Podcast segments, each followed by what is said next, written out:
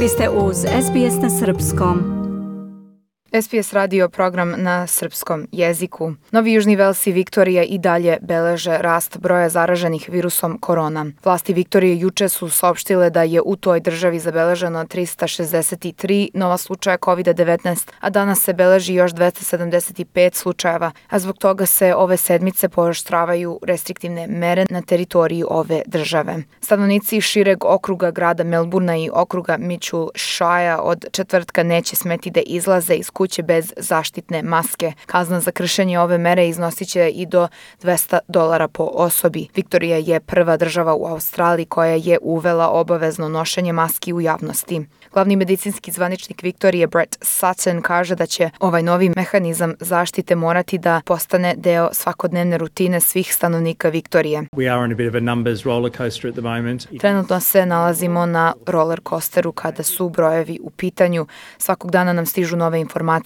Ovo je sada naša nova normala, moramo stvoriti nove navike, rekao je Sutton. 130 država širom sveta ima mere obaveznog nošenja maski.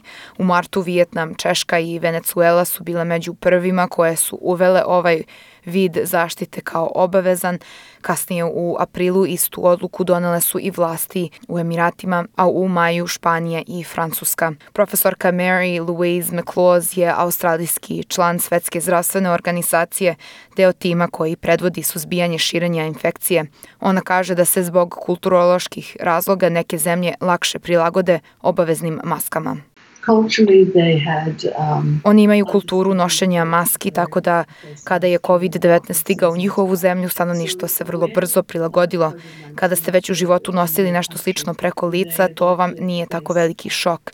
Međutim, u Australiji i u drugim zapadnim zemljama mi ne nosimo maske zimi, nismo navikli i sad nam nije tako lako da se prilagodimo. Stručnjaci kažu da nošenje maske pomaže ukoliko ste zaraženi da ne širite virus dalje, te da ukoliko svako nosi masku smanjuje se rizik rizik od prenošenja zaraze. To je bitno i za ljude koji možda i ne osjećaju simptome bolesti. Profesor Tony Blakely, epidemiolog i stručnjak za javno zdravstvo, kaže da su mnoga istraživanja pokazala da maske pomažu u sprečavanju širenja raznih virusa. Maske mogu pomoći da se smanji stopa zaraze i do 85 odsto. Ukoliko svi budemo nosili maske, možemo da zaustavimo širenje infekcije. Mi smo uradili istraživanja koja pokazuju da ukoliko period karantina i restrikcija traje šest nedelja i maske nisu obavezne, šansa da eliminišemo virus je oko 5 od 100.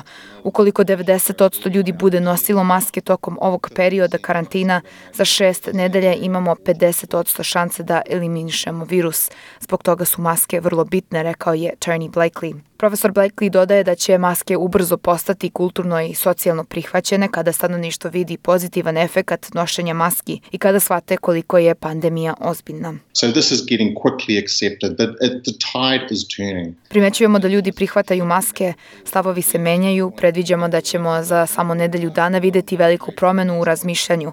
Svi oni koji sada neće da nose maske će u jednom momentu prihvatiti ovu meru jer će ih drugi ljudi opominjati da stave masku. Ljudi opominju druge oko sebe da ne puše u zatvorenim prostorima, da vežu pojas u automobilu.